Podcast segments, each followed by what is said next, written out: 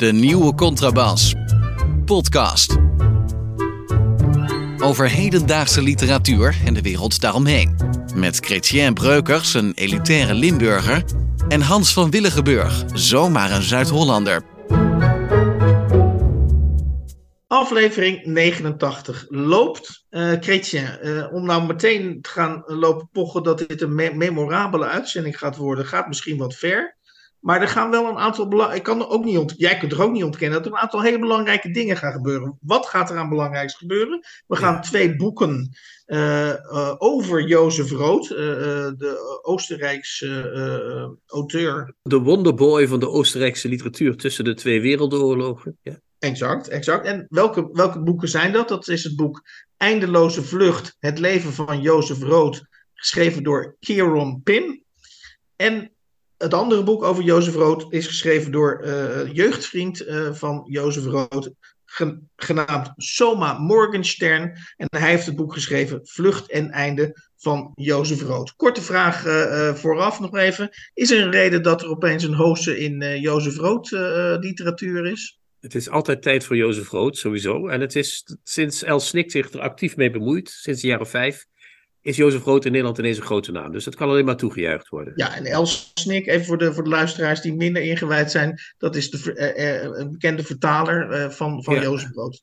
En, en de beheerster, of hoe noem je dat, de voorzitter en het kloppende hart van het Jozef Rood Genootschap. En we hebben nog iets memorabels, hè? Ja, voor, voor zover het niet al memorabel genoeg is, volgde dan nadat we de, ons uitgebreid over, hebben uitgesproken over deze twee boeken, een laatste uh, bijdrage van Marika Keblusek. En die gaat uh, zoals gewoonlijk weer een buitenlandse auteur aan ons voorstellen.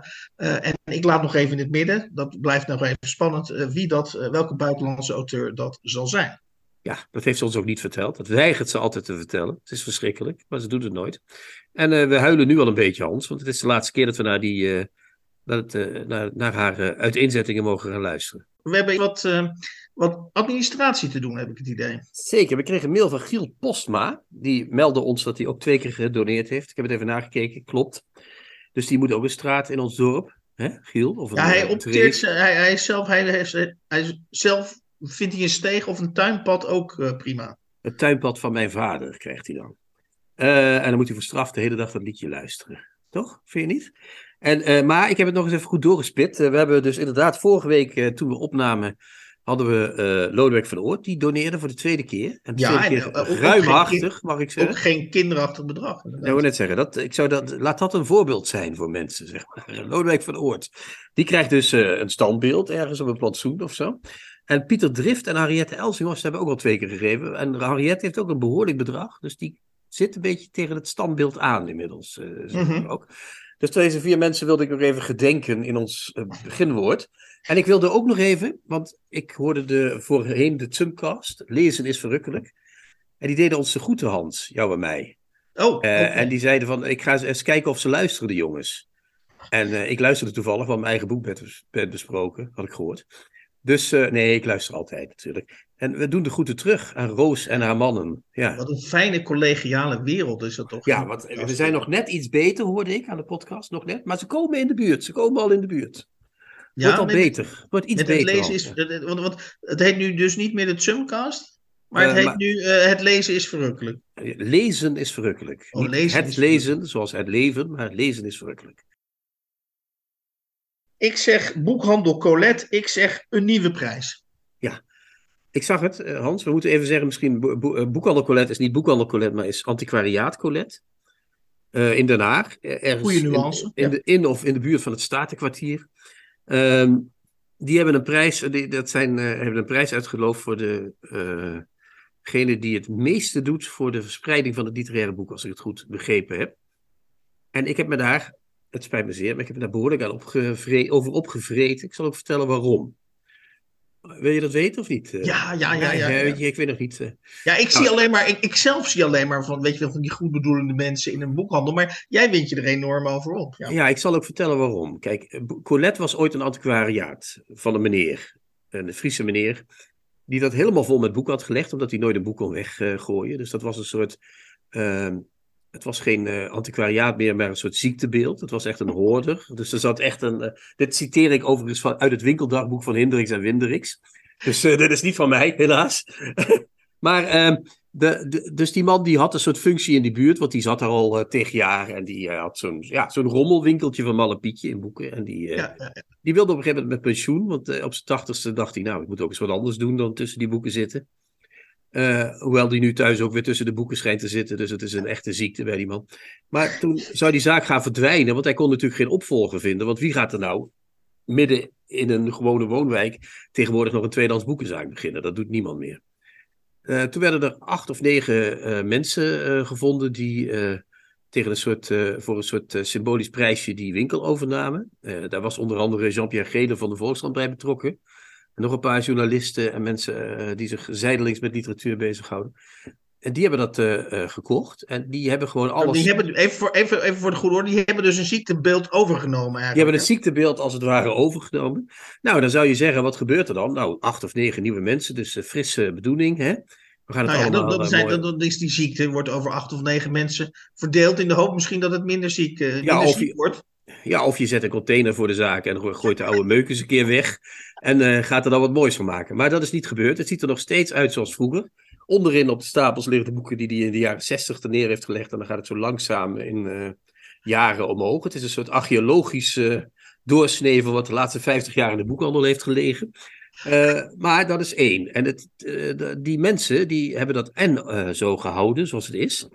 En die onderhouden het dus niet netjes, maar die zeggen dus eigenlijk gewoon: wij hebben hier iets gekocht. En, uh, wat ons betreft hoeft er niks te veranderen. De, de, dit is wat de literatuur is, zeg maar. Dat is, mijn, dat is de eerste tak van mijn ergernis. En ik denk, maak er dan wat moois van als je in zo'n buurt gaat zitten. Want ze willen ook nadrukkelijk een buurtfunctie hebben. Ja. Dat is één. Het tweede is uh, dat die mensen daar uh, een zaak hebben gekocht. Vroeger moest die man daarvan leven. Die Jochem, ik weet niet meer hoe die met zijn achternaam heette. Jochem weet hij met zijn voornaam. Uh, maar zij hebben allemaal andere functies en hebben dat gewoon als een soort. Ze zitten daar nu als vrijwilliger, dus er hoeft geen salaris meer uit die zaak uh, te komen. Uh, daarmee zeg je, heb je dus ook concurrentie voor andere zaken. Maar redelijk goedkope concurrentie, want je hebt zelf geen salaris meer te verdienen. Snap je wat ik bedoel? En dan ga je dus een beetje zitten deugen daar, terwijl je niks hoeft te verdienen. Dat vind ik heel kwalijk. We hebben het er de laatste tijd vaker over dat de literatuur minder wordt en dat er minder gelezen wordt. En daar zeggen ze eigenlijk, ja, wij hoeven er niks aan te verdienen. Neem maar mee, jongens, eh, voor, voor een afbraakprijs. Oké, dus eh, even voor mijn begrip. Uh, jij, jij, jij neemt twee dingen kwalijk, als ik het even deco probeer te decoderen. Eén zeg jij van, ze hebben dus een ziektebeeld in feite overgenomen.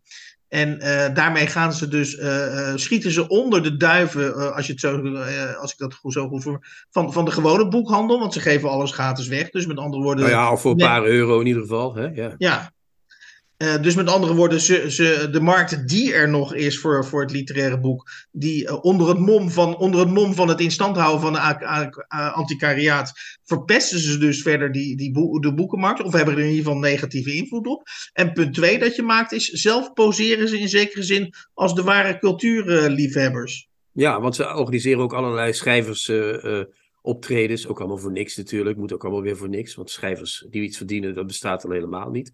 Dus ja, dat, dat is wat het is. En vooral dat, uh, dat ze daar poseren als wij brengen de ware cultuur. Wat allemaal op een, uh, voor een dubbeltje op de eerste rang uh, ga, gaat. Hè? voor, de, voor een briefkaart op de eerste rang was het vroeger, ja. maar nu voor een dubbeltje op de eerste rang.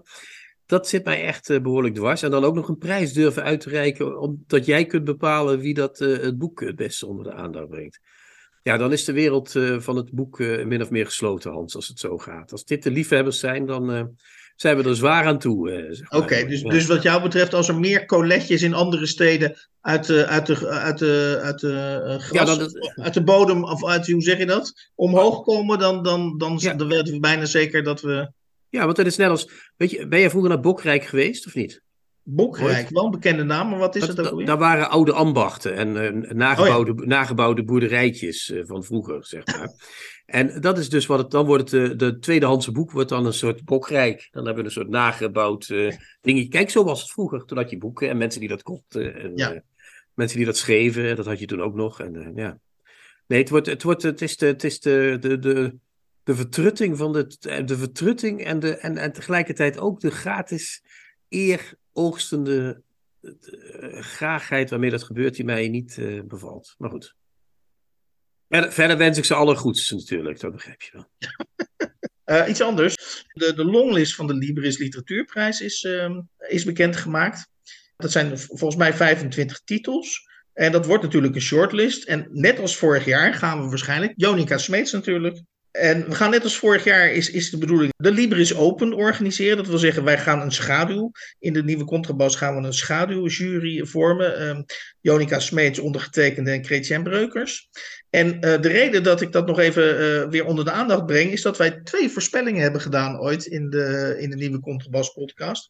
Eén, jij hebt in aflevering 49, ik weet niet of je dat zelf nog weet, uh, de Nobelprijs voor Annie Ernaux uh, voorspeld. Ja, dat had ik, dat wist, dat, dat, ja, dat heb ik zelf ook tot met stomme verbazing. Ja, dat is wel waar, ja. ja. Dat, ik zal het nog eens doen. Hè? Ja, dus, dus, dus, mochten mensen nog twijfelen of wij hier uit ons nek zitten te lullen, verre van. Uh, Chrétien nee, heeft nee, inderdaad nee. Uh, met, met voorspellende gaven uh, de Nobelprijs voor Annie Ernaux voorspeld. En twee, voor de mensen die, voor onze vaste luisteraars. De eerste keer dat wij de Libris Open met Jonica Smeets vorig, jaar, vorig jaar mei um, hebben georganiseerd, hadden we ook de, de, de prijswinnaar uh, goed voorspeld. Uiteraard, dus, ja. Dus met andere woorden, ik wil maar zeggen, uh, luister naar de Libris Open, want de kans dat dat een schot in de roos gaat worden en dat we dus opnieuw juist gaan voorspellen wie die prijs gaat winnen, is levensgroot. Ja, het zijn 18 mensen trouwens die genomineerd zijn.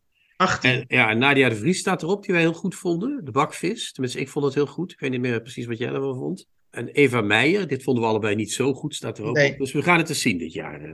Want het eerste is maar eens wachten op de shortlist. Ja. Ja, en dan tot slot uh, de, de, de, de ogen van het Fix Dit uh, initiatief. Dat zijn de vrouwen die, uh, dat is een, zeg maar een feministisch pamflet, die de vrouwelijke stem in de literatuur beter vertegenwoordigd wil zien. Zeg ik het zo goed? Ja, ik denk het wel, ja, ja daarvan uh, vroeg ik me af, want ik hoorde jou recentelijk, uh, Kretje, en ik denk, nou, dan scoren we weer punten daar bij Fix dit. Dat jij uh, Hannes Mijnkema en dan is er koffie. Ja, dat, dat vind ik die, dat, je dat, dat je dat boek eigenlijk opnieuw min of meer ontdekt hebt en je afvroeg, waarom wordt dat niet veel groter? Ja, nou, nou zei dat, ik heb het herlezen omdat Hannes Mijnkema, dus Hannemieke Stamperius heette die in het echt, uh, onlangs uh, gestorven is. Hè? En toen heb ik dat boek, uh, en dan is er koffie, wat toen haar bekendste boek was in die tijd, heb ik gelezen. jaren en, 70, ja. en ik weet nog dat er in de jaren 70 en 80 behoorlijk denigerend over Hannes Mijnkema gesproken werd. Dat was toch echt een beetje, dat werd niet als literatuur gezien. Maar ik vond, en dan is er koffie echt een geweldig boek. En ook beter dan heel veel boeken die, nu, die ik nu ook wel redelijk aardig vind. Dus ik heb haar altijd een beetje over het hoofd gezien. Dus misschien is het wel eens goed om openbaar schuld te beleiden dat ik vroeger slecht was en nu uh, in, de handen, in de Hannes Mijnkema ben. Ja. Uh, maar zeker ja, maar in dat geef, mij, geef mij één, geef mij één, één flart of één, één, één, waarom, en dan is er koffie, waarom je dat uh, eigenlijk in retrospectief eigenlijk een, of misschien ook al toen je het voor het eerst las, waarom je dat een onderschatte vrouwelijke auteur vindt, of een onderschatte, Oh, ik- ik ten onrechte terzijde geschoven roman vindt. Nou ja, dat, hangt ook een beetje samen met mijn eigen leesgeschiedenis. Ik heb het vroeger niet gelezen, omdat ik altijd hoorde, ach, die Hannes Mijnkema, dat hoef je niet te lezen. Hè? Het was ook een beetje het, eh, eh, eh, in de tijd dat Komrij het over een bepaalde, op een bepaalde manier over feministische schrijfsters had, die niet heel netjes was. Ehm, dus ik heb het toen echt mee ge- geloofd aan de, wat de communius opinie was. Dus gewoon, dat is niks. En nu bleek, op een stomme verbazing, dat ik al die jaren een mooi boek gemist had. Dus daarom denk ik, dat moet, eh, onder- maar wat, wat- een flat, je bedoelt van de inhoud of van de stijl of zo? Ja, maar je, een mooi boek, dat is jou toch de eer te na. Oké, nou het speelt zich al. En dan is er koffie te omschrijven als een mooi boek. Wat, wat, wat, Nou ja, wat- het is en heel goed. Het heeft iets van de avonden in de jaren zeventig. Het is dus eh, heel eh, bedompt en heel eh, zompig. En het speelt zich af. Een, hoofdpersoon eh, die eh, lerares is en niet getrouwd. En die probeert in de liefde nog wat te vinden.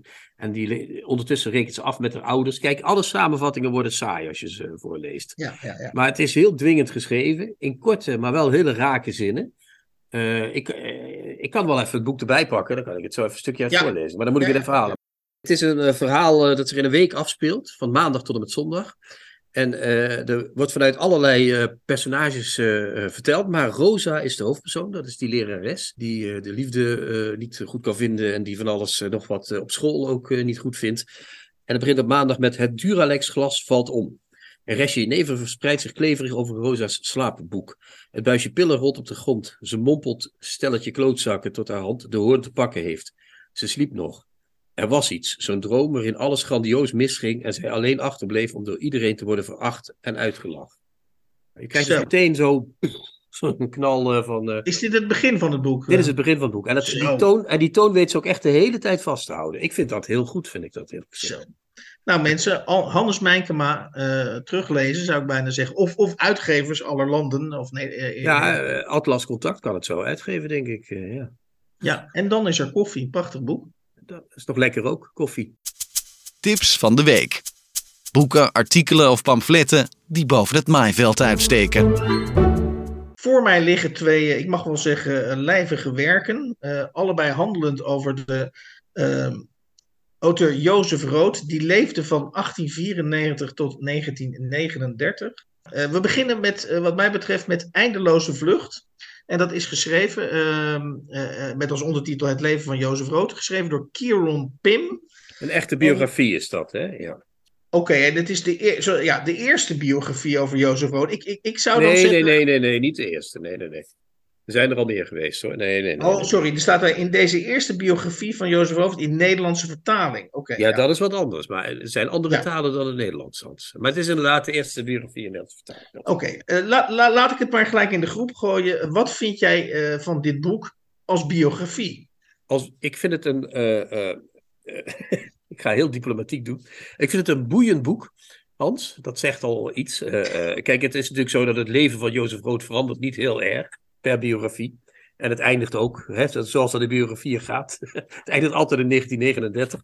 Eh, ik vind het een, een eh, eh, goede biografie in die zin dat hij alles samenvat. Alles even op poten zet wat er in het leven van Jozef Rood Mhm. belangrijk is geweest. En daar kunnen we dadelijk nog wel even over doorgaan.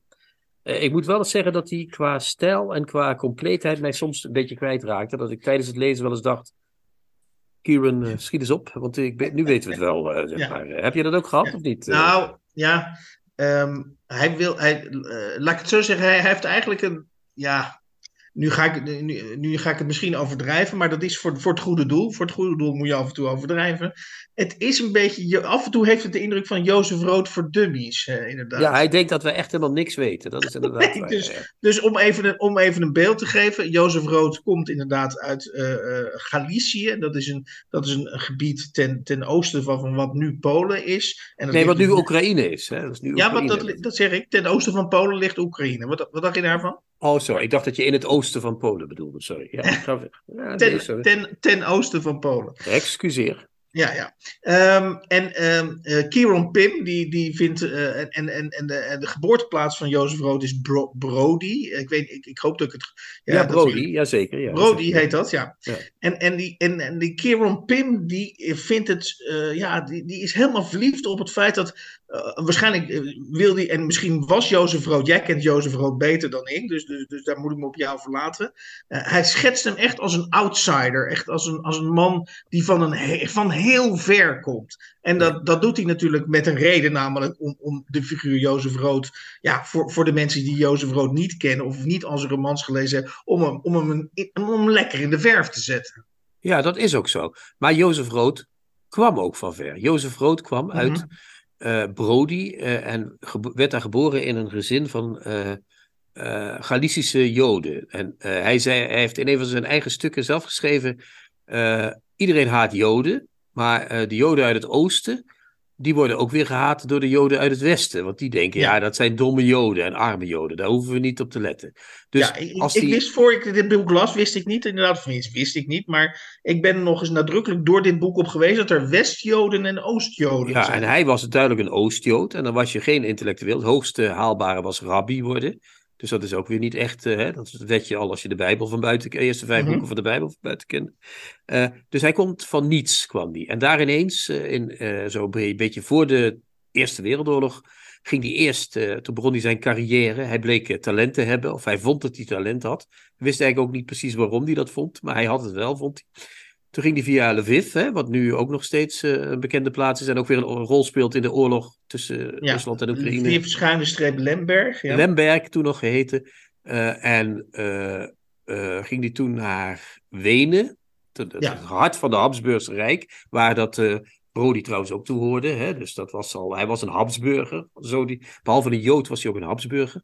Eh, toen ging hij naar Wenen en toen weer naar Berlijn en toen is hij naar Parijs gegaan. Eh, hij werd al heel snel, ook al voor de Eerste Wereldoorlog, een Europese wereldburger, zo zou je het kunnen zeggen. Schreef daar ondertussen voor de Frankfurter Allgemeine Zeitung, de- toen al de bekendste krant van, eh, van Duitsland. Had een fantastisch salaris, kon zich van alles permitteren.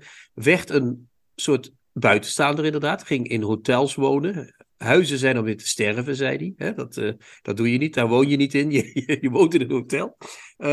Maar goed, na de Eerste Wereldoorlog, toen stortte het Habsburgse Rijk eh, in elkaar. Hè. Ke- Keizer Karel, eh, die, die was nooit echt keizer geweest, maar die werd afgezet. Eh, Frans Jozef was dood in 16, hè, die, die was al gestorven. Toen begonnen al die Habsburgers ook, die, die werden ook al vluchteling, want waar kwam je vandaan? Het Habsburgse Rijk bestond niet meer. Ineens was die een Galicische Jood uit, eh, uit, eh, uit eh, Brody, werd hij toen. Ik denk wel dat, dat om even aan te vullen, eh, want al- alles wat je zegt is helemaal, is helemaal correct, is dat natuurlijk het, een van de thematieken die, die, die Pim's, Kieron Pim aanzet, is natuurlijk dat Jozef Rood nooit zijn eigen vader heeft gekend, want die is, wordt, dat wordt in het begin van het boek, worden we daar eh, van op de hoogte gesteld, die, die blijft ergens achter en wordt gesuggereerd in een, in een soort ja, gesticht Ja, die was gek geworden. in- ja, ja, die is gek geworden in Polen.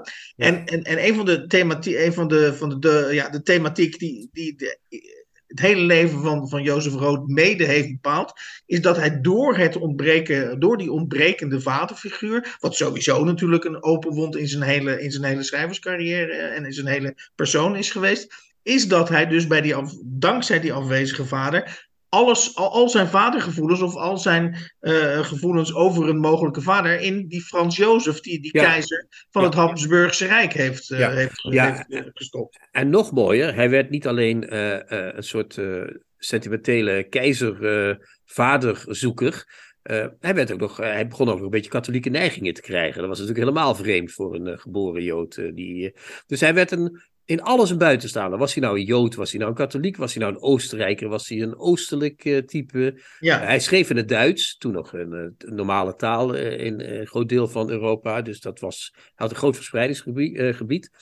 Werd eh, toen bekend romancier. Hè? Zijn eerste romans begonnen te verschijnen. mhm. Die gingen heel vaak over mensen die uit de Eerste Wereldoorlog thuis kwamen en zagen dat hun eh, hele leven vernietigd was. Dus dat was niet helemaal onautobiografisch, of in ieder geval niet helemaal eh, onbegrijpelijk dat hij daarover Mhm. schreef.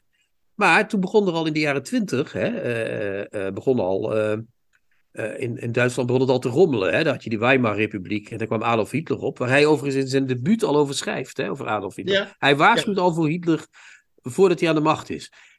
Maar goed, Maar goed, alvorens we eh, helemaal leeglopen over de figuur Jozef Rood. Ik, ik, eh, Ja, maar dat wil ik wel even iets over schetsen. Ja, ja, ja, dat is wel zo, belangrijk voor hem. Ja? Want in, in 33, eh, dan houdt het lieve leventje van Rood op natuurlijk.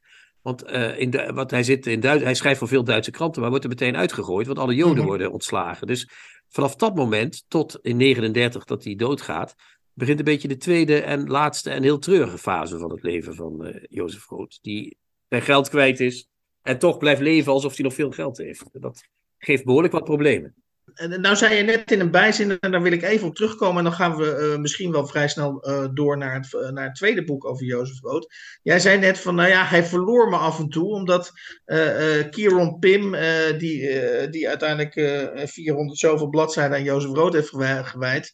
ehm, eh, eh, eh, verloor me af en toe in details. En dat, dat, dat vind ik dus ook, dat hij, dat hij iets te veel uitlegt. Dat hij iets te veel, iets te, ja, dat hij ons, eh, wat ik net zei, Jozef Rood voor dummies. En wat ik daar een voorbeeld van vind, is dat op er staan een paar foto's eh, eh, in, in, in, eh, in dit boek.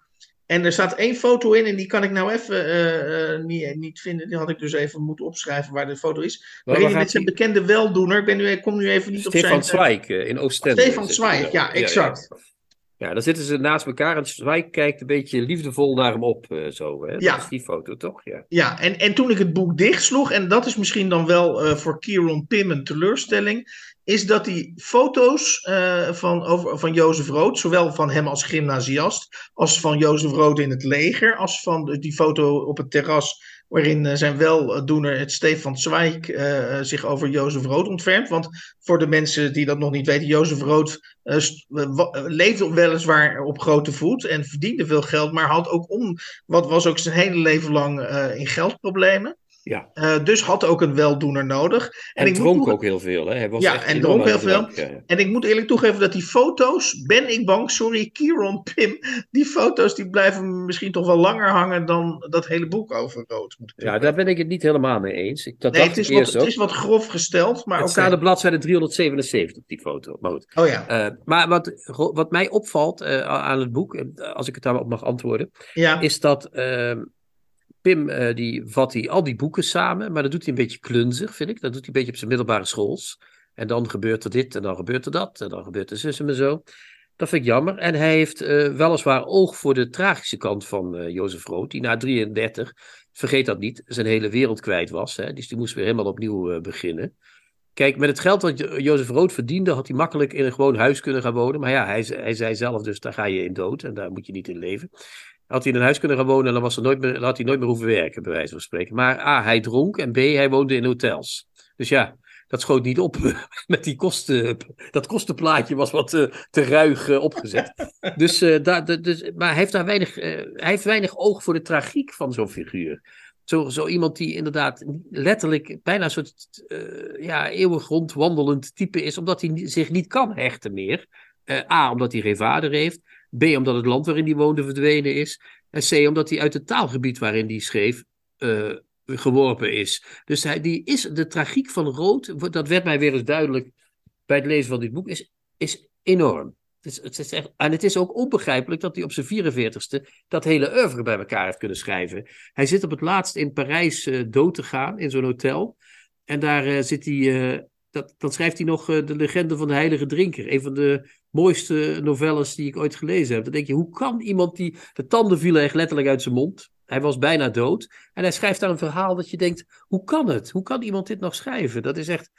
Het is bijna een soort, soort geest op een tijdperk geënt of zo. Dat het lichaam is al aan het, aan het weggaan. En uh, ja, het is. Ja, en, en, om nog even de, de gradatie van ontheemdheid even te accentueren. Uh, kijk, hij, hij is overleden in Parijs aan de drank. Zoveel kunnen we wel, denk ik, zover, zover mogen we wel gaan. Maar stel dat hij nou om een of andere reden nog, nog op het idee was gekomen om terug te gaan naar Brody. Het is natuurlijk heel vreemd dat hij nog uh, Pools, nog Oekraïens, nauwelijks, dat wordt ook dat sprak hij allebei. Hij, nee, nee. Hij, hij, hij, sprak nauw, nauwelijks Pools en nauwelijks Oekraïens. Dus het is natuurlijk heel vreemd dat je, als je, als je al de 40 gepasseerd bent en je zou teruggaan naar je geboortegrond, dat je eigenlijk de taal die daar wordt gesproken zelf helemaal niet spreekt. Dat is inderdaad heel wonderlijk. Ja, en het gekke is ook, dat, want dat wordt geschreven in die biografie ook, dat, zijn, uh, wat, dat is nog iets wat we nog overgeslagen hebben. Maar hij, was, hij viel ook nog best goed bij de vrouwen, gek genoeg.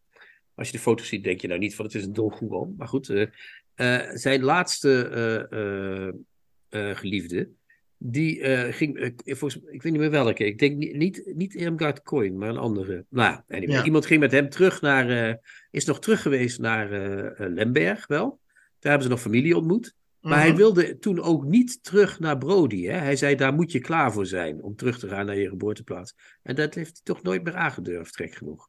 Ja. Dat is toch ook weer, dat, dat is toch vreemd dat je zou zeggen van... Wat ik wel mooi vind, aan de ene kant denk ik, en we moeten natuurlijk onze huiswerk heel goed doen. En moeten we natuurlijk uh, alle namen weten van al zijn maîtresses en al zijn. Uh, ja, oké, okay, maar... maar. Maar, en tegelijkertijd. Maar het gaat erom dat hij dus niet terug durfde. Daar gaat ja, het om. tegelijkertijd is er bij, uitge... zeker bij iemand als Jozef Rood, is dat vergeeflijk. Want hij heeft, in, en dat ben ik helemaal met je eens, als je nagaat dat. dat al die boeken die hij geschreven heeft, al die affaires, al die cafébezoeken die beschreven worden. Het is onbegrijpelijk dat dat in 44 jaar allemaal uh, is uh, bijeengepakt. Ja, ja dat, is, dat is nauwelijks, voorstel, nauwelijks voorstelbaar. Ja, dat, en, en, en, ook dat hij dat ook nog allemaal. En dat waren geen cafébezoeken, Hans. Hij ging 's ochtends naar het café en Nee. s'avonds kwam hij eruit. Het was geen cafébezoek. Dat was, dat was gewoon een. Hij, hij dronk in Amsterdam drie flessen jenever per dag. En eh, hij zat in de Engelse Reet en een café in, in Hotel Ja. Ede op de Wouwmoestraat. En daar, daar Ja. gebruikte hij de kat als inklap. Vond ik ook een mooi eh, verhaal. Dat was een witte kat. Daar deed Ja. hij zijn, zijn pen aan afvegen. Die liep er met zwarte Ja. strepen op. Maar goed. eh, Ja, en, en, en, dat is misschien. En dan, dan maak ik even een, een, een, een switch naar het tweede boek eh, o- over hem. eh, geschreven door Soma Morgenstern, een, een jeugdvriend van hem. eh, die dus een, eh, vanuit zijn visie, vanuit zijn persoonlijke invalshoek. eh, eh, het leven van Jozef Rood beschrijft. Vlucht en einde van Jozef Rood. Is dat eh, zowel bij Kieron Pim als bij, eh, bij, eh, bij dit van Samo Soma Morgenstern wordt steeds opnieuw benadrukt dat eh, eh, in de visie van rood, in ieder geval, dat drinken, on- ja, dat, dat, was, dat was niet zomaar drinken, hè, net zoals het niet zomaar een cafébezoek was, maar dat, dat drinken, dat, dat, dat, dat, dat was de, de elixir die hem deed schrijven. En dat was ook, de, eh, vond hij zelf, en dat is natuurlijk misschien wel heel tragisch, hij vond dat hij die drank ook echt nodig had om, eh, om goed te schrijven. Nou ja, hij zegt het ook ergens in, dat, in, de, in die biografie van het is die, de, de, de, dat, dat, dat laatste boekje over de heilige drinker. Die is heilig omdat hem steeds genade toevalt. Dus die drinkt en dan valt hem toch genade toe. Hij heeft die drank nodig om die genade van dat literaire eh toegedeeld eh, te krijgen. Maar ja, die Soma Morgenstern in dat boek Vlucht en Einde van Jozef Rood. Die heeft het, eh, dat was een goede vriend van hem. Maar je kunt wel zeggen dat Rood ook de vriendschappen aardig op de proef heeft gesteld, toch? Of niet? Eh, Zeker. Was geen gemakkelijke vriend, zeg dat niet. eh. Mochten er nou luisteraars zijn die, die trek krijgen in, in de figuur Jozef Rood in, een van deze twee boeken, dan wil ik wel vermeld hebben, eh, want dit is inderdaad informatieoverdracht, daar doen we het natuurlijk allemaal voor.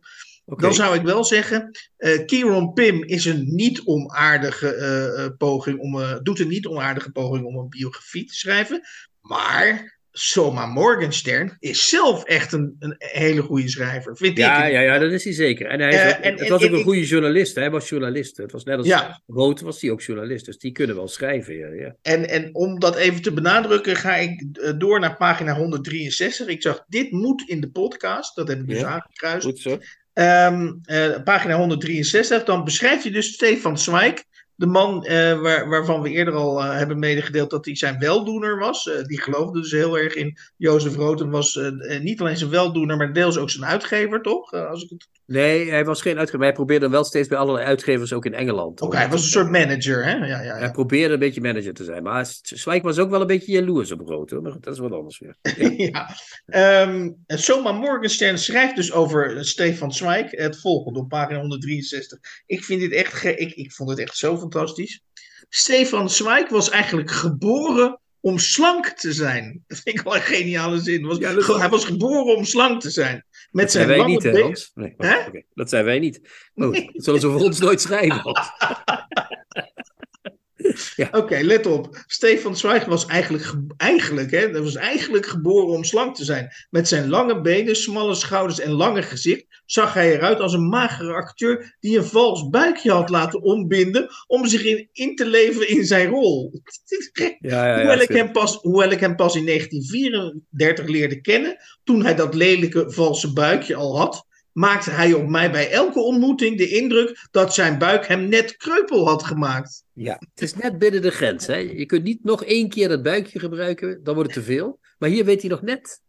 Ja. Het is een heel mooi afgerond eh, alineaatje. Is dat, Ja, eh, en, en de ja, reden dat ik dat dus eh, benadruk is dat ehm, eh, je leest dus eh, eh, in dit boek, eh, Vlucht en Einde van Jozef Rood, lees je dus over Jozef Rood van een, van een journalist, eh, schrijver, die, eh, ja, die heel veel talent heeft en die dat, die dat, die dat, ja, dat leven van Jozef Rood wel echt, vind ik althans, op een heel vermakelijke manier in de, in, in de stijgers heeft gezet. Ja, het is, en, maar, maar ook de tragiek weer. Hè? Want ze krijgen ruzie op een gegeven moment. Zeker. Dan eh, krijgen ze ruzie en dan, eh, dan eh, ook weer om allerlei. Want hij heeft een roman laten lezen aan eh Rood. Morgenstern laat een roman lezen aan Rood. En die gebruikt de naam van een of andere hoofdpersoon van Morgenstern in zijn eigen boek. En dat weet hij natuurlijk helemaal niet meer, want die drie flessen jenever per dag hebben alles al eh, lang eh, weggewassen. Maar daar krijgen ze serieus ruzie over. Maar op het laatst in Parijs, dan eh, krijgen ze toch weer contact. En dan zitten ze met z'n tweeën echt in het park. Vind ik zo'n mooie scène. Dan zitten ze Mhm. in het park en dan vraagt Rood, wilt u twee liedjes voor mij zingen? Ja, dat is Wil je twee liedjes voor mij zingen? Dan gaat hij twee Oekraïense liedjes zingen. Dat zijn, dan ben je toch echt vrienden als je dat doet. En dan Ja, helemaal op het laatst, dat, dat wilde ik ook graag, omdat dat ook zoiets verschrikkelijks is. Dan heeft hij hem dus. Ja, dat, die, dat, de begrafenis is ook niet best. Hè? Dan gaat hij op zo'n arme kerkhof. Wordt hij, Ja. Otto van Habsburg laat bloemen sturen. Dat is toch ook fantastisch. De, Mhm. de, de troonpretendent eh, stuurt bloemen. Ja. En dan zegt hij op het laatst, helemaal in de, in de slotscène op uh, 306, zijn demon heeft zijn leven verkocht. Dus dat is dat enorme gezuip van hem. Ja. Je kunt je natuurlijk ook afvragen of die demon die vader was, of die afkomst. Dat kan ook. En dat dat zuipen daarin. Maar goed, de zuipen was belangrijk. Maar wat zou hij nog hebben meegemaakt? Als hij in het ziekenhuis een betere behandeling had gekregen, had hij makkelijk de oorlog kunnen meemaken. Ook mooi gezegd, hè? Makkelijk de oorlog, Mhm. alsof dat leuk is, weet je wel. Het uitbreken van de oorlog zou een triomf voor hem zijn geweest. Maar hij zou weldra naar een concentratiekamp gestuurd zijn, net als wij Oostenrijkers allemaal. Hij zou het nog geen acht dagen hebben overleefd. Het feit alleen al dat zijn geliefde Frankrijk ons immigranten in een kamp stopte, zou een einde aan zijn leven hebben gemaakt. In Parijs. Dus hij zegt daarmee, hoe het ook eindigde, hij zou altijd in, in Parijs, een paar jaar later misschien, hij zou altijd daar geëindigd zijn. Dus het, het was een. Nou ja, ik krijg daarbij. Ik moet daar bijna maar huilen, maar dat is echt dat is toch verschrikkelijk dat je zo in het, Mhm. voor het blok zit als eh, mens Ja. en als vluchteling. Dat het dus echt, ja, je kunt geen kant meer op. Wij kunnen het ons bijna niet voor, wij kunnen het ons helemaal niet voorstellen. Nee. Natuurlijk. eh. Nee. Nee, ik, ik, wat, wat ik, en ik, ben het helemaal met je eens dat het einde ontroerend is. Eh, ik, ik heb er zelf eh, niet bij gehaald, maar, maar ik, ik, voelde, ik voelde misschien wel iets achter, eh, achter mijn oogkassen, zullen we maar zeggen, opwellen. Dus Een lichte Dus- druk. Ja. een lichte, een lichte druk. Maar wat ik, wat ik in de tragiek van de vriendschap helemaal eens. Maar wat ik ook mooi vind, is dat, ook, eh, dat hij ook af en toe de lichte toets eh, weet te bespelen eh, te- tussen hen beiden. En dat, op pagina 200 moest ik daar heel erg smakelijk om lachen. Ze, ze ontmoeten elkaar opnieuw inderdaad in Parijs. Ja. En dan, dan zegt Soma Morgenstern, de schrijver van dit boek, is dat die begint zich te ergeren, dat dan, dat dan weer wel, aan dat gezuip van die, van die Jozef Rood. En ook dat, eh, dat die Jozef Rood dus eigenlijk elke vorm van eten vindt hij een onderbreking van, van, van, het, van het drinken. Ja, ja, Dus dan zegt hij op een gegeven moment tegen die Soma Morgenstern, moet je nou alweer eten? Je hebt gisteren toch nog gegeten? En volgens mij meende hij dat nog serieus ook nog. Dat is echt, eh, ja. Volgens mij, ja, je kunt ook als je drie flessen jenever drinkt, kun je ook niet eten. Ja. Dat gaat Ja. Even afsluitend, Christian. Eh, want, want we hebben die boeken nu behandeld. Eh, Ja. dat, dat hoort een beetje. Hè, de- wij behandelen boeken. Dat hoort nou eenmaal bij de stijl van deze podcast. Maar ja, ik, ik ben door deze boeken ben ik wel eigenlijk ontzettend nieuwsgierig geworden. Ik, ik, ik, ik heb dus Heb jij nooit een roman van hem gelezen? Ik ken die romans van Jozef Rood dus nog niet. Oh, dan heb je echt iets gemist. Maar, iets maar ik ken dus wel die reeks die jij bij Bas Leuberhuis is verschenen. Dus van Hotelmensen en al die Ja, ja. andere. Al die krantenstukken. En die vond ik, eh, ja, die vond ik fantastisch. Dus eh, ik moet Ja, maar je moet echt je moet eh, Job lezen. De kleinere romans zijn. Mijn, iedereen heeft het altijd over Radetzky Mars. Dat vinden ze Ja. fantastisch. Vind ik een mooi boek. Maar de kortere romans, Job, eh, eh, Vlucht zonder einde. eh, wacht, ik haal het er even bij. Titels is niet mijn forte, zoals dat heet. Wat staat het allemaal? Dankwoord. Altijd maar die dankwoorden. Hè. Daar staat het.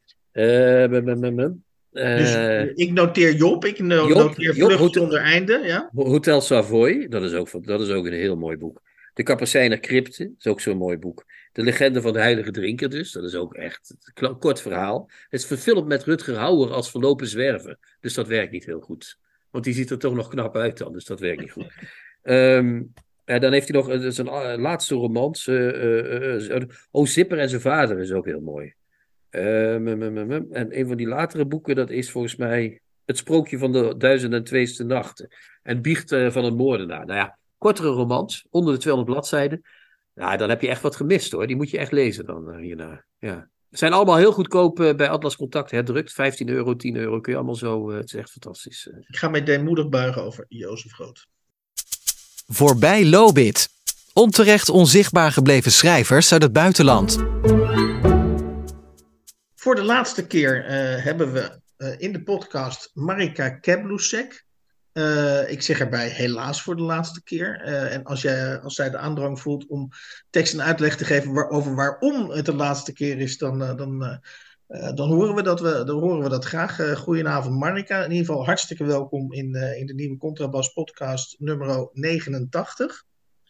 Eh, wat heb je voor ons in petto? Want we, de, het idee is dat jij altijd met een buitenlandse auteur naar ons toe komt. Ehm, en naar de mensen die naar ons luisteren. eh, die nog niet eh, gewaardeerd, CQ vertaald is in het Nederlands. Nou ja, ehm, ik eh, heb daar natuurlijk wel over nagedacht. Twee jaar lang om de zoveel tijd. En ik vind dat heel leuk. Ik vind het sowieso heel leuk om te vertellen waar ik, ehm, ehm, waar ik heel enthousiast over ben. Uh, of dat nou dingen uit mijn werk zijn of wat ik lees of zie. Maar ik vind het nog fijner om daar gewoon een keer een gesprek over te hebben met iemand. En dat kan dan eventueel in een podcast op een andere manier. En dat, ja, dat is. Dus ik ben hier een beetje. Um, toch weer college aan het geven en de juf aan het uithangen. En dat vind ik, uh, nou, dat zou ik leuk vinden om dat een keer op een andere manier te doen. En dat is uh, dus niet op deze manier bij Lobit, hoe leuk ik het ja. ook vind. Staat genoteerd. En we, mm -hmm. we, we, houden ons aanbevolen voor terugkeermomenten dan in dat geval. Okay. Alleen nou, als we het erover hebben dan. Hè? Dus... Ik begrijp dus, als ik je goed vertaal, Marika, dat, dat, dat, we, dat, dat we pas kans maken op jouw terugkeer. Du moment dat het geen college meer is, maar een gesprek. Ja, dat zou ik heel leuk vinden. Ik vind wel, als ik dat mag zeggen, ik had, had ik vroeger maar zo'n college gehad. Maar goed, oké, okay, dat heb ik dus niet. Maar uh, dus uh, dank daarvoor. Dat is heel lief, dankjewel. Met wie ga je ons nu om de oren slaan, Marika? Nou, ik ga jullie niet om de oren slaan. Ik ga jullie, um, uh, voor zover dat een kennismaking is, maar in elk geval wil ik vanavond afsluiten met een auteur, een Engelse auteur, um, een vrouwelijke auteur, Barbara Pym. Niet ah. meer um, levend helaas, al een tijd niet meer. Omdat ik echt op uh, allerlei manieren, en ik gebruik het woord doel, omdat dat wel in haar voca vocabulaire zou passen.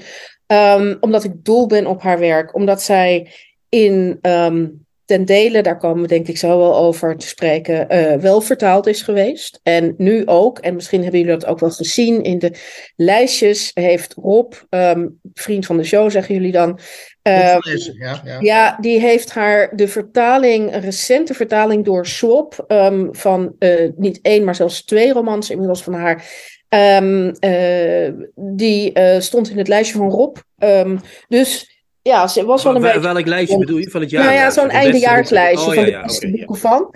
Had hij ook een Tamme Gazelle opgenomen. Dat is het eerste boek van Barbara Pym, haar debuut. En um, dat is ook um, Some Tame Gazelle in het Engels. En dat is um, recentelijk dus vertaald. Dus in 2022 zijn er twee boeken van haar vertaald. Nogmaals, in de jaren tachtig was zij ook. Uh, je kunt Bij dus, Amber, ja, klopt. ja, je kunt de, van de meeste van haar boeken wel vertalingen vinden. Um, tweedehands. Maar zij is um, toch ook, en ook in Engeland heeft ze een periode gehad waarin ze totaal in de vergetelheid is geraakt. En dat heeft ook voor een groot deel haar carrière bepaald. Um, nou ja, en, en dus ze is iemand die er altijd blijft, denk ik, in elk geval in mijn leven. En die een schare fans heeft, zou je kunnen zeggen.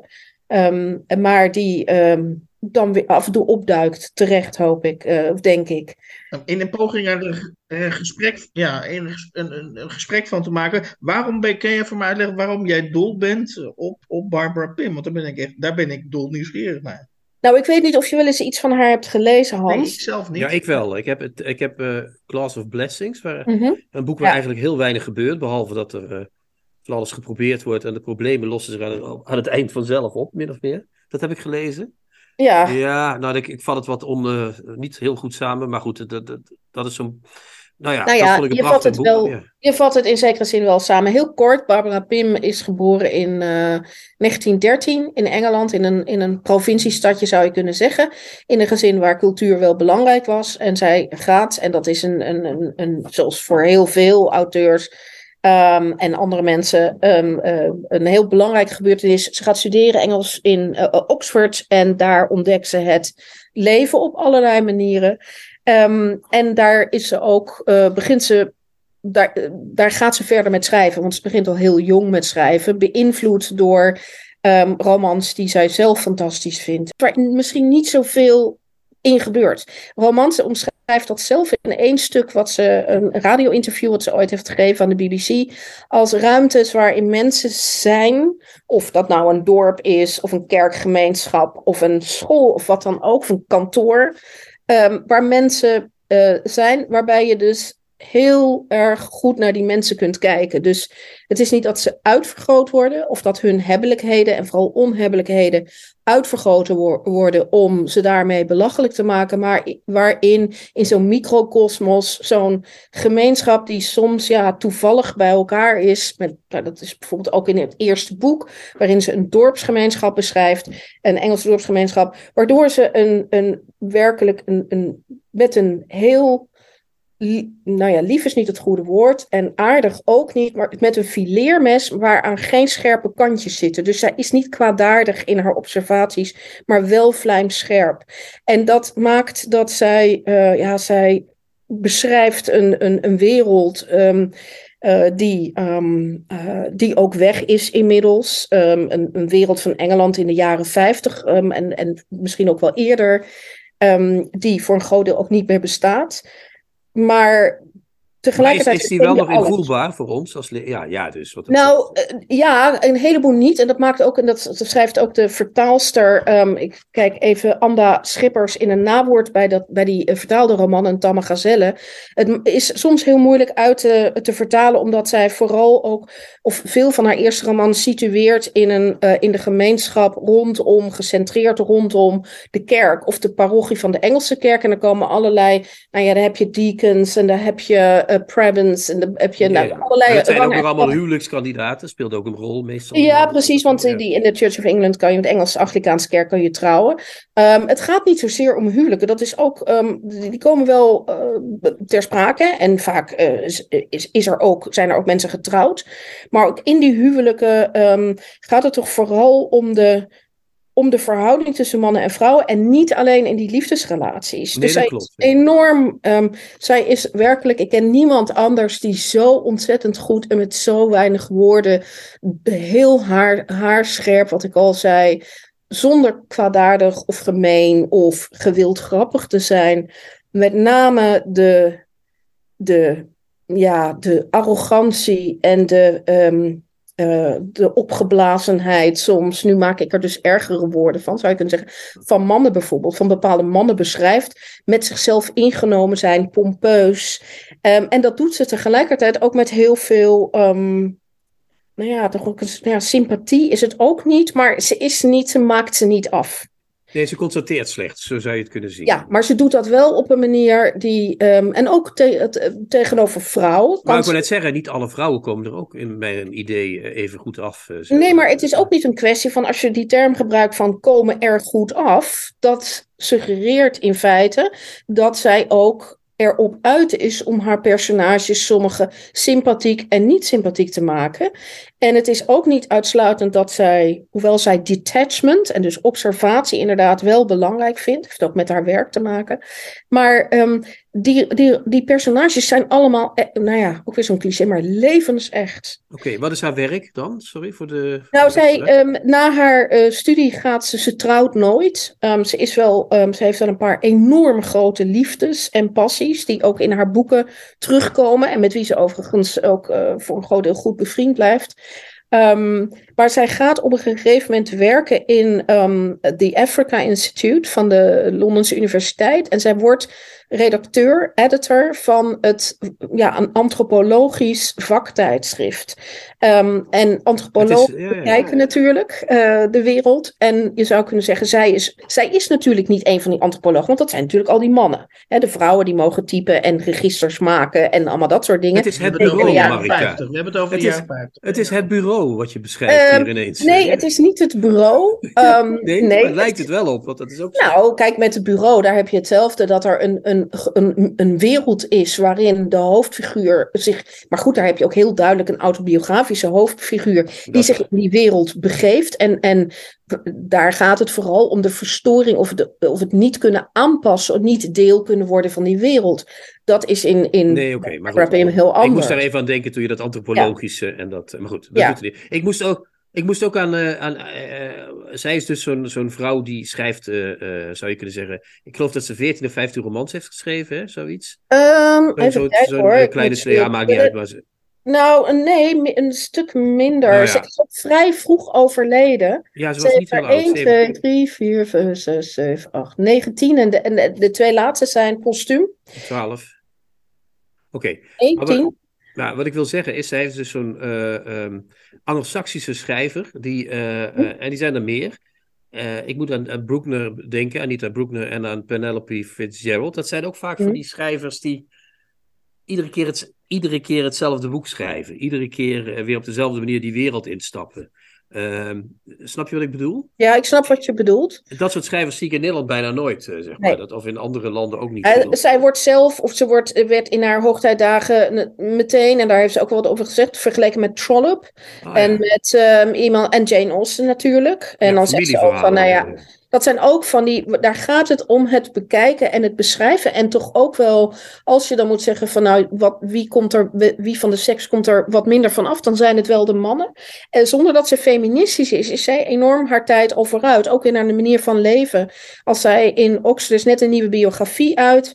Um, The Adventures of Miss Barbara Pym van Paula Byrne. Ik ben niet helemaal over de schrijfstijl te spreken, maar er zit wel weer heel veel uh, nieuw materiaal in.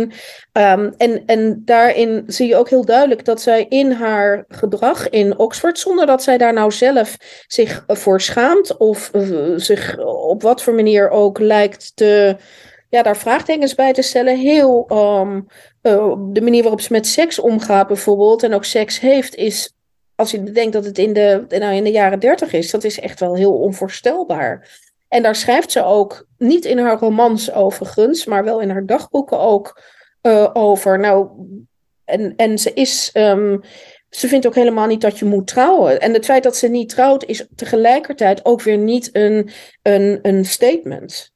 Snap je? Dus het is ja, zij heeft die wereld geschapen, of ze zou vast uh, getrouwd, graag willen trouw, hebben willen trouwen met haar grote liefde, die in dat eerste boek ook uh, van haar Somtame Gazelle ook werkelijk een geweldig personage vormt. Um, dus ik hoop dat we daar zo nog even opkomen. Um, maar, en, en nogmaals wat ik zei, ze heeft veel um, passies. Um, vat ze op, ook voor mannen met wie ze niet kan trouwen. Want dat zijn mannen die op mannen vallen. Zij is ook een van iemand die volstrekt naturel... Dat is bij uh, Glass of uh, Blessings ook, hè? Dat wordt ze op de ja, homoseksueel precies. verliefd. Ja. Precies, en, en ja. Wilmot is dat. En, en Wilmot wordt verliefd op Pierce. En, en dat is inderdaad iemand die een, uh, een relatie met een man heeft. Maar dat is in een tijd dat het nog strafbaar is in Engeland. Maar zij schrijft dat op alsof, alsof dat ook... Ja, het is jammer voor Wilmot. Maar alsof het heel gewoon is in de maatschappij dat mannen samen zijn met mannen. Ja. En, en dat is, maakt, dat ook, ja, maakt dat ook wel heel bijzonder daardoor. Dat zij zelf wars, denk ik, is van elke conventie daarin. Maar als, wat, wat ik graag wil vragen is, jij, jij zei in het begin, en je omschreef dat volgens mij hartstikke mooi, over, over, over een gemeenschap die zij, uh, uh, waar zij over schrijft. En, en dus als ik je goed citeer, niet kwaadaardig, maar wel uh, scherp. En heeft zij ooit zelf iets gezegd waarom haar voorkeur uitgaat naar, dat, naar het maken van dat soort verhalen of boeken? Ja. Uh, over gemeenschappen dus. Waarom vindt zij dat belangrijk? Nou ja, ik, ik zoek even op in, want ik heb hier dus een hele stapel. In haar, uh, in de laatste bundel is dus die, is een, um, een stuk opgenomen. Uh, Finding a Voice heet dat. En dat is een, zo'n, een van zo'n uh, gesprek met de BBC, wat hij, ze heeft gehouden in 1978. Toen was ze net herontdekt. Ik hoop dat we daar nog even komen. En dan, en dan probeert ze erachter te komen of te vertellen in een gesprek over hoe zij haar stem heeft gevonden en wat dat nou is, een stem van een schrijver. Mm-hmm. En zij zegt dan van dat ze al heel vroeg, uh, toen ze 16 was, dat ze Aldous Huxley's novel Chrome Yellow las. En daar ongelooflijk, um, uh, ongelooflijk uh, door omver werd geblazen. En dat ze daarom ook een, um, ja, een, een roman, romanschrijver wilde zijn. En dan zegt ze, en ik vertaal even uit het Engels. Ik geloof, uh, ik geloof werkelijk niet dat ik de fijnere uh, satirische um, aspecten van dat boek uh, kon waarderen op dat moment. Maar ik vond het grappiger dan alles wat ik tot dan toe had gelezen. En dan zegt ze, en het, en het idee um, om over een groep, of, een groep mensen in een bepaalde situatie, in een bepaalde setting, en in dat geval van Huxley is het, zijn het um, intellectuelen in een, in een Engels country house te schrijven, dat vond ik onmiddellijk heel erg spannend. Dat is, en dat gaat ze ook meteen doen. Haar eerste boek is niet, uh, daar is wel het manuscript deels van bewaard, geloof ik. Um, maar dat schrijft ze als ze 16 is. En dat schrijft ze over ja, dat heet Fancy um, Young Man in Fancy Dress. En dat gaat over jonge mannen die een. Uh, die Ook heel vooruitstrevend, ja, ja, ja, Zonder dat ze daar ooit is geweest trouwens. Dat geeft geen, nauwelijks een idee waar Chelsea is. Maar dat gaan, schrijft ze over een groep bohemians. die in de jaren twintig natuurlijk in Londen zijn. Dus zij kiest ervoor om mensen misschien nog niet eens zozeer in een bepaalde gemeenschap. maar in een bepaalde setting, in een bepaalde situatie bij elkaar te zetten. En dat doet ze um, heel bijzonder. De eerste uh, acht romans, nee, niet de eerste acht, maar de eerste zes, daar had ze be behoorlijk veel succes mee, om even haar carrière aan te geven. Um, en dan in de jaren zestig weigert haar vaste uitgever haar volgende roman. Um, um, en uh, Unsuitable Attachment heet die. Um, die wordt gewoon geweigerd met een heel kort briefje. En daar is ze ondersteboven van. Er wordt dan gezegd van, nou ja, uh, wij denken dat uw romans in feite uit de tijd zijn. We moeten nu, hè, de, de uitgever Jonathan Cape, die wilde meer moderne contemporary fiction. En zoals Barbara Pym zei, novels written by men and Americans. Nou, dat geeft dan een beetje aan hoe grappig ze uh, kon zijn. Althans, ik vind dat enorm grappig. Um, Um, en zij is dan, verdwijnt dan ongeveer 16 jaar lang uit de picture. Ze blijft wel schrijven, maar elke keer, keer op keer is er af, worden haar de romans die ze schrijft en inlevert, worden ook door, ook door, ook door anderen Door iedereen, door iedereen, categorisch. Dat wil het publiek niet meer. Dat is niet meer geïnteresseerd in, in, die, in, die, um, in dit soort romans. En dat verandert, en dat is een heel bekende anekdote, uh, maar ik vertel hem toch even. Als in 1977 schrijft Times Literary Supplement um, een, vraagt aan een uh, groot aantal vooraanstaande auteurs, maar ook andere um, figuren uit het culturele veld in Groot-Brittannië, wie voor hen de meest, um, of om een top 5 of zoiets te maken, van de meest onderschatte auteurs in het Engels taalgebied. En Barbara Pym is dan de enige die twee keer op één komt. En de eerste die haar op één zet is Philip Larkin, de dichter, um, die al eerder um, brieven aan haar heeft geschreven. En ook in de periode dat ze dus nog wel publiceert. En ook in de periode dat niemand haar meer wil publiceren. Dat is een ongelofelijke bewonderaar van het werk van Pim. En ook Sir David Cecil, dat is ook een, een belangrijk figuur op dat moment in de Engelse uh, cultuurmaatschappij. Die is ook iemand die haar op één zet. En dan, vanaf als dat gebeurt in 77, dan wordt, uh, wordt haar werk weer herdrukt. Dan krijgt ze onmiddellijk, um, wil ook haar voor, eerdere uitgever, wil dan onmiddellijk weer het werk uitgeven. Nou, daar, daar kan ze dan nog twee jaar een beetje um, ja, van, van, van profiteren, zou je kunnen zeggen. En dan overlijdt ze, want ze heeft kanker en ze gaat dus heel snel, uh, dan is ze overleden in 1980. Dus die periode van terugkeer heeft ze maar heel kort meegemaakt. En het eerste boek, of een van de boeken, je zou misschien wel kunnen zeggen, de paar boeken die dan nog gepubliceerd worden tijdens haar leven. Um, A Quartet in Autumn, dus een kwartet in de herfst. Dat zijn boeken die wel een andere toon hebben. Daar is het toch het, ja, het uh, niet zozeer lichtvoetige, maar de ironie. De, en ook de, de, de lichte ironie die, en de, die ze in haar eerdere boeken heeft, ook de, de milde spot zouden wij dat misschien zeggen, dat wordt wel pessimistischer. En dat heeft ook te maken met ook die periode die ze daarvoor heeft beleefd. Het feit dat zij ziek is, dat ze zelf ook uh, ouder wordt en, en op een gegeven moment ook uh, voortijdig met pensioen gaat bij haar werkgever. En dan een beetje zich uit de, langzaam uit de maatschappij gerangeerd voelt misschien. En heeft ze een boek wat veel ja, so, meer ongeremd somber is, zeg maar. En dat valt, valt wel behoorlijk goed ook. Mensen vinden het geen Pim-novel, maar um, omdat het juist die milde spot ontbeert. Maar het is een heel aangrijpend boek ook. En opnieuw gaat het gaat over vier mensen in een kantoor, waarvan twee uh, op het punt staan met pensioen te gaan en één ook overlijdt. En het gaat over de eenzaamheid van het kantoorbestaan. Of die mensen die naar hun kamers gaan, waar ze dan een gaspitje hebben, waar ze een uh, blikje soep kunnen opwarmen. Zoals er ontzettend veel waren natuurlijk. Ja, dat mag nou, daar schrijven ze dan over. Maar we, we, moeten nog één. Ja. ja, sorry Hans, wat wilde jij vragen? Doe jij nou, ik, ik, ik, was nog wel benieuwd naar de. Stel dat we nu met. In tweede, we leven tussen 2023. En je zei zelf in het begin al: die, die wereld die Barbara Pim beschrijft, die, die bestaat eigenlijk niet meer. Uh, en, en Wat zou het kunnen opleveren? Ja, dat klinkt dan weer nodeloos economisch, hè, alsof het iets moet opleveren. Maar wat, wat, wat zou er gebeuren of, uh, of wat zou het opleveren als we dus in 2023 Barbara Prim massaal, stel dat we iedereen de opdracht geven Barbara Prim te gaan lezen. Uh, uh, wat, heeft zij iets aan, aan het nu te vertellen, denk jij?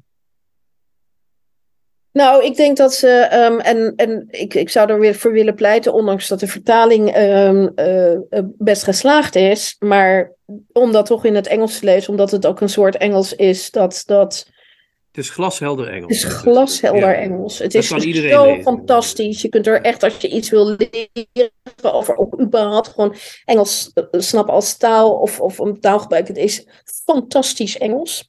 Ja. Uh, nooit nodeloos ingewikkeld met ingewikkelde woorden en dat soort dingen. Daar is het helemaal niet van. Het is wel heel grappig omdat ze Um, ik lees het altijd met aan de ene kant de, de, de, de vertalingen van, um, uh, van de Bijbel en de, in, de, in de King James Version. Um, en ook de, de, de, de Anglikaanse kerkdienst erbij. En ook altijd een boek van de Oxford Book of Victorian uh, Poets. Omdat zij heel veel citeert.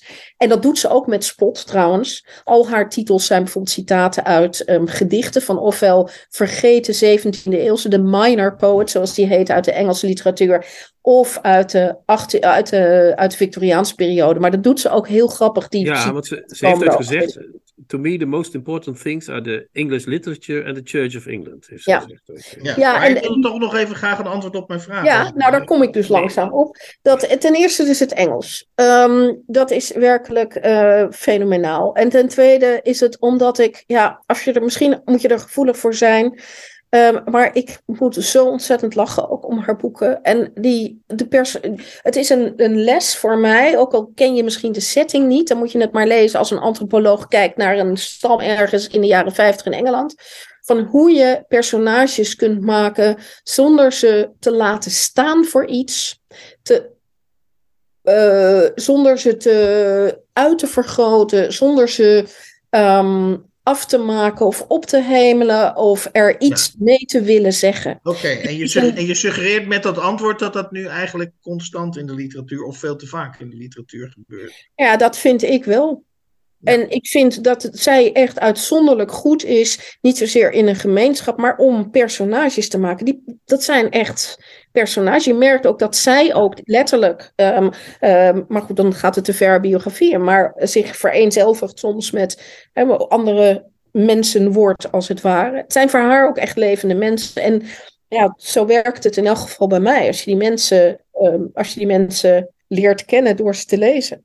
Ja, ik weet niet. Christian, wat vind jij ervan? Jij hebt dat ene boek gelezen. Ja, nou, dat, dat, dat is wat, ik, wat mij opvalt uh, als ik daaraan terugdenk, want dat is toch een jaar of uh, acht of zeven geleden, is vooral ook dat, ah, dat alle gebeurtenissen heel logisch zijn. Want in dat boek gebeurt eigenlijk heel weinig. Mm -hmm. Want zij wordt verliefd op die man die weer verliefd is op die andere man. En uh, uiteindelijk komt alles via weinig spectaculaire bochten toch goed aan het eind. En het gekke is dat ik toch het gevoel had dat er heel veel gebeurd was. Dus dat is één. Ze weten ja. dus toch mee te nemen in dat kleine verhaal.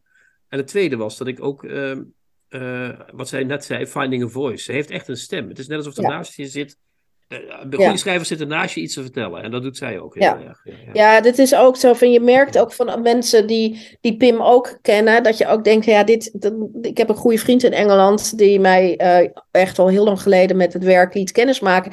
Ja, en wij kijken elkaar aan en zeggen, ja, dit is een Pim. Um, nu, ja, dit is, Pim, dit is een Pim moment. En dan weet je ook onmiddellijk. En het is een hele andere set, setting of wat dan ook. Maar het, gewoon, zij heeft ook een ongelooflijk oog voor het de detail. Dat is voor haar ook heel belangrijk. Maar ook het um, het, uh, hoe moet je dat zeggen, het ab absurde.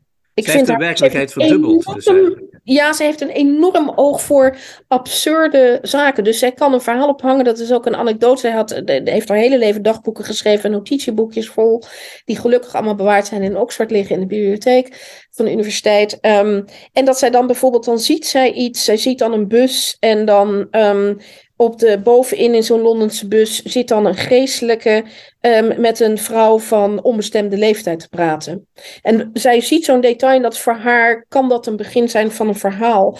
Dat zijn natuurlijk werken heel veel auteurs zo, dat iets opvalt of een zin of wat dan ook. Maar bij haar zijn het altijd volstrekt dagelijkse um, gebeurtenissen. Hè? Dus het, als je even naar de film kijkt, naar dat, eh, de American Beauty, het zakje, dat, eh, dat Ja. plastic zakje wat over straat eh wou. Nee, Zoiets. Maar bij haar ligt het altijd in het, in het, in het intermenselijk verkeer, de absurditeit. Dus niet Ik in, ben, in eh, ik weet niet hoe het met jou zit, Chrétien, maar ik ben wel, wel om richting Pim. Jij? Nou, ik, ik, ik ben heel benieuwd wat jij ervan zou vinden, Hans. ja. Ik, ik wil wel een stukje voorlezen. Ik doe dat dan in de vertaling.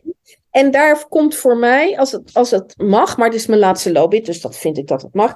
Ik lees de eerste twee alinea's van Some Tame Gazelle. En dat is een, uit een dichtregel van Thomas Haynes Bailey.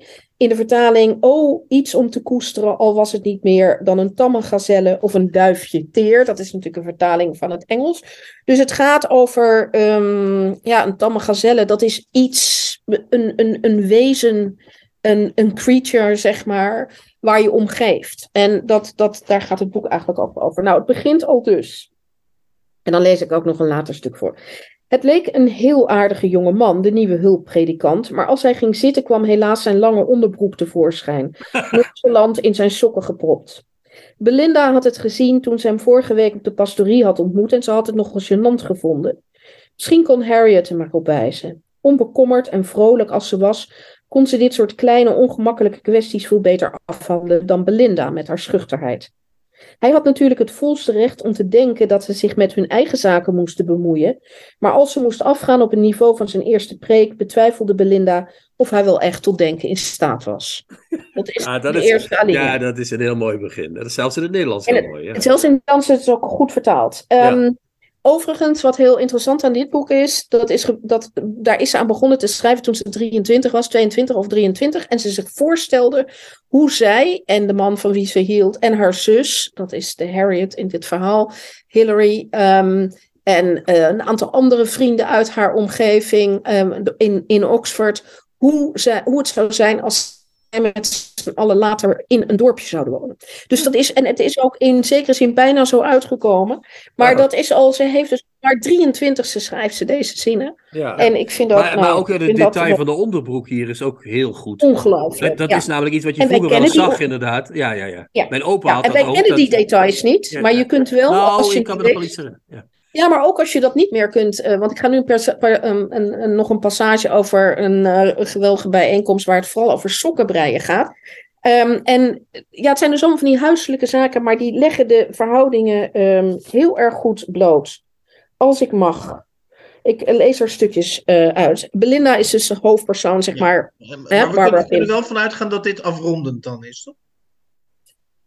Nou ja, sort of. Wat was het toch jammer, pijnste Belinda, dat geestelijken er zo bedreven in waren het slechtste in elkaar naar boven te halen. Zeker nu het bijna de tijd van vrede op aarde en in de mensen een welbehagen was. Als soort konden ze niet met elkaar overweg. En dat ze in een klein dorp in de provincie zaten, maakte de dingen nog moeilijker. Dit soort toestanden zouden zich niet voordoen in Londen. Dan ga ik even een stukje verder. Ehm, dan praten ze over een mevrouw of dat een geschikt iemand is. Daar gaat iemand mee trouwen. En dan zegt ze: Ehm, heeft ze nog meer sokken voor u gebreid? vroeg Belinda onschuldig. Dat vraagt ze aan de hulppredikant. Jazeker, en nog een trui ook, zei hij. Ze is er echt enorm goed in. Ik hoop dat ze intussen heeft geleerd hoe ze de teen moet afwerken, zei Harriet ronduit. Belinda zou het haar kunnen laten zien. Oh, maar Olivia is een heel begaafd meisje, zei Agatha. Ze weet ongetwijfeld wat ze doet. Ik zou haar geen meisje meer noemen, zei de aartsdeken hatelijk. Maar vrouwen zien zichzelf kennelijk graag als meisjes, ook als ze de dertig al lang zijn gepasseerd. Olivia is pas 31, zei Agatha ongeduldig. En met haar onderzoek naar die o- uil en de lark, de uil en de nachtegaal, heeft ze echt een substantiële bijdrage geleverd aan de studie van het Middel-Engels. Dat neemt niet weg dat het belangrijk is te weten hoe je een teen dichtmaast, hield Harriet vol. Hoe is het ook weer, Belinda? Rechts en afhalen en dan averecht en laten staan. Ik vergeet het elk, elke keer. Net toen Belinda aan een tactvol antwoord wilde beginnen, onderbrak de bisschop haar en zei met een glimlach bij de herinneringen: Ach, hoeveel sokken zijn er niet voor mij gebreid toen ik nog hulppredikant was? nou ja, ik vind het de wereld in een notendop. Maar ja, goed. dit is wel mooi. Ja, ja. Ja, fantastisch. Vooral die ene die zegt van, maar ondanks het Middel-Engels, moeten we niet vergeten dat ze sokken. Want anders heb je koude voeten natuurlijk. Ja. Ja, er wordt voortdurend natuurlijk gebreid voor de mannen, want die vinden dat ook heel normaal. Hè? Dat, dat eh, alle Ja. vrouwen in het dorp aan het breien slaan. Nou, dat is toch wel veranderd, Marika, kun je wel zeggen. nou, ik brei ook nog heel veel sokken, zoals je weet. eh, Ja, maar, maar niet, voor- niet voor ons. Wij, wij houden ons Niet- aanbevolen als je klaar bent. Niet? Oké, nou, dankjewel, of niet? Ja, Ja. Ik, eh, ik ben eh, helemaal... Ik heb ooit op jouw aanraden The Glass of Blessings gelezen dus. En toen Ook ben ik vertaald, hè? Dat is de tweede die vertaald is. Oké, dat, dus, maar ik moet eigenlijk... Het staat nog steeds op het lijstje dat ik eh, daarmee verder moet. Dus ik... eh, ooit op een... Als ik Het weer hele mijn- werk. als En haar brieven zijn ook fantastisch. Als haar ik mijn linkerheup laat doen, dan eh, ga ik die andere boeken lezen. Ja, ja, Er is genoeg om je op te verheugen nog. ja. Oké. Dank, dank, dank. Ja, Oké, graag gedaan. We'll meet again, zal ik maar zeggen. En Yes. Oké, oké. Doei. Ciao, ciao.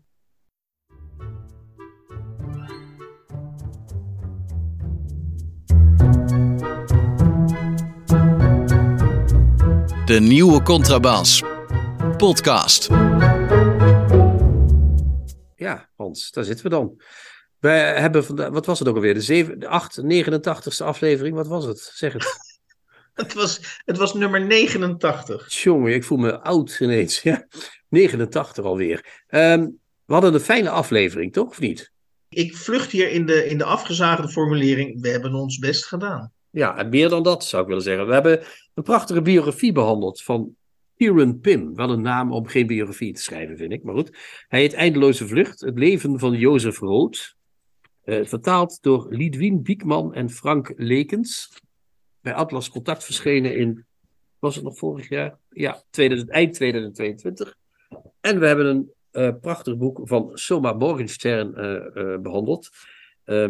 Het heet Vlucht en Einde van Jozef Rood, vertaald door Els Snik en eind 2022 ook uitgegeven door Van Oorschot. Eh, Rood is nu al zo groot in Nederland dat hij zich over verschillende uitgeverijen moet verspreiden. Deed hij vroeger ook. Hij verkocht zijn romans aan meerdere uitgeverijen. Dan had hij meer geld. Vond ik ook een leuke anekdote, jij niet? Ja. Ja, ja, ja zeker. En we hadden een prachtig college, hadden we. Een, eindcollege, een slotcollege hadden we van eh, Marika Kebroesek. En dat En ging die- over Barbara Pym, meen ik.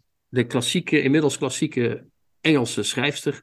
Eh, zij heeft een mini, mini, mini, mini, mini, hoe moet je dat zeggen? Mini revival. Want vorig jaar zijn er bij van Maaskant Houn, uitgeverij, twee boeken van haar eh, verschenen. Een glas vol zegeningen, A Glass of Blessings.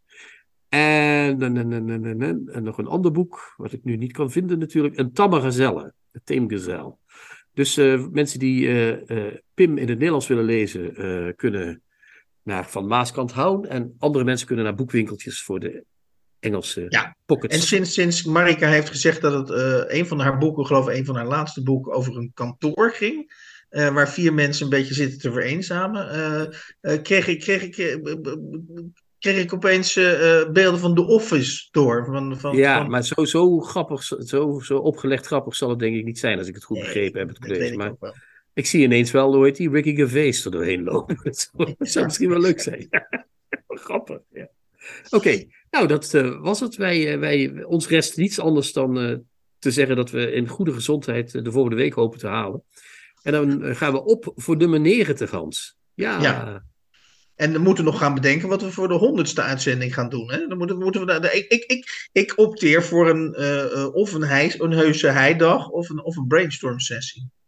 Ja dat moeten we nog, dat Of, bespreken of, we nog gaan, wel of, even. gaan we, of gaan, we de, gaan, we, gaan we de 100 negeren en maken we een, doen, we, doen we een gewone uitzending? Nee, de 100 gaan we niet eh, negeren. Dat gaan we niet doen. Ik sta, nee, ik sta eigenlijk wel open, nu, nu we dat, ik- het valt me spontaan binnen. Maar als mensen ideeën hebben, of, of ben, ben, jij, ben jij tegen invloed van luisteraars? eh? Nee, nee, nee, nee. Als ze idee hebben, dan willen we daar serieus naar kijken. We gaan Ja, niet dus alles doen. Ik ga niet van ideeën een flatgebouw afspringen, bijvoorbeeld.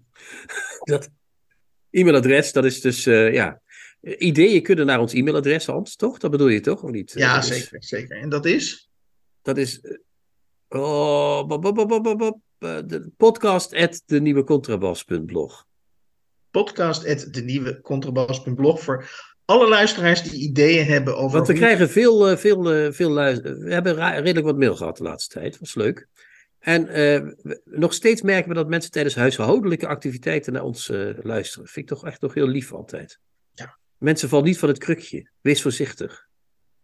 Tjoe Als jullie tjoe. aan het software. Tjoe tjoe en tja tja en tot ziens. Kijk jij ook elke week uit naar de nieuwe Contrabas podcast? Voeg dan de daad bij het woord en word officieel supporter. Dat kan al vanaf 1 euro per week, oftewel 52 euro per jaar. Draag je ons een heel warm hart toe, dan kun je ook Golden Supporter worden voor 104 euro en Platinum Supporter voor 208 euro per jaar. En wat krijg je daarvoor terug? Dan luister je met nog meer plezier naar ons uitgesproken geluid wekelijks over literatuur. En wat je ook geeft, ga naar gofundme.denieuwecontrabas.blog. Nog één keer? gofundme.denieuwecontrabas.blog. Hup, hup, hup.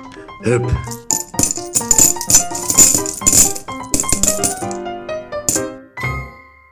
De nieuwe Contrabas podcast wordt gemaakt door Chrétien Breukers, Hans van Willigenburg en Erik Lindenburg.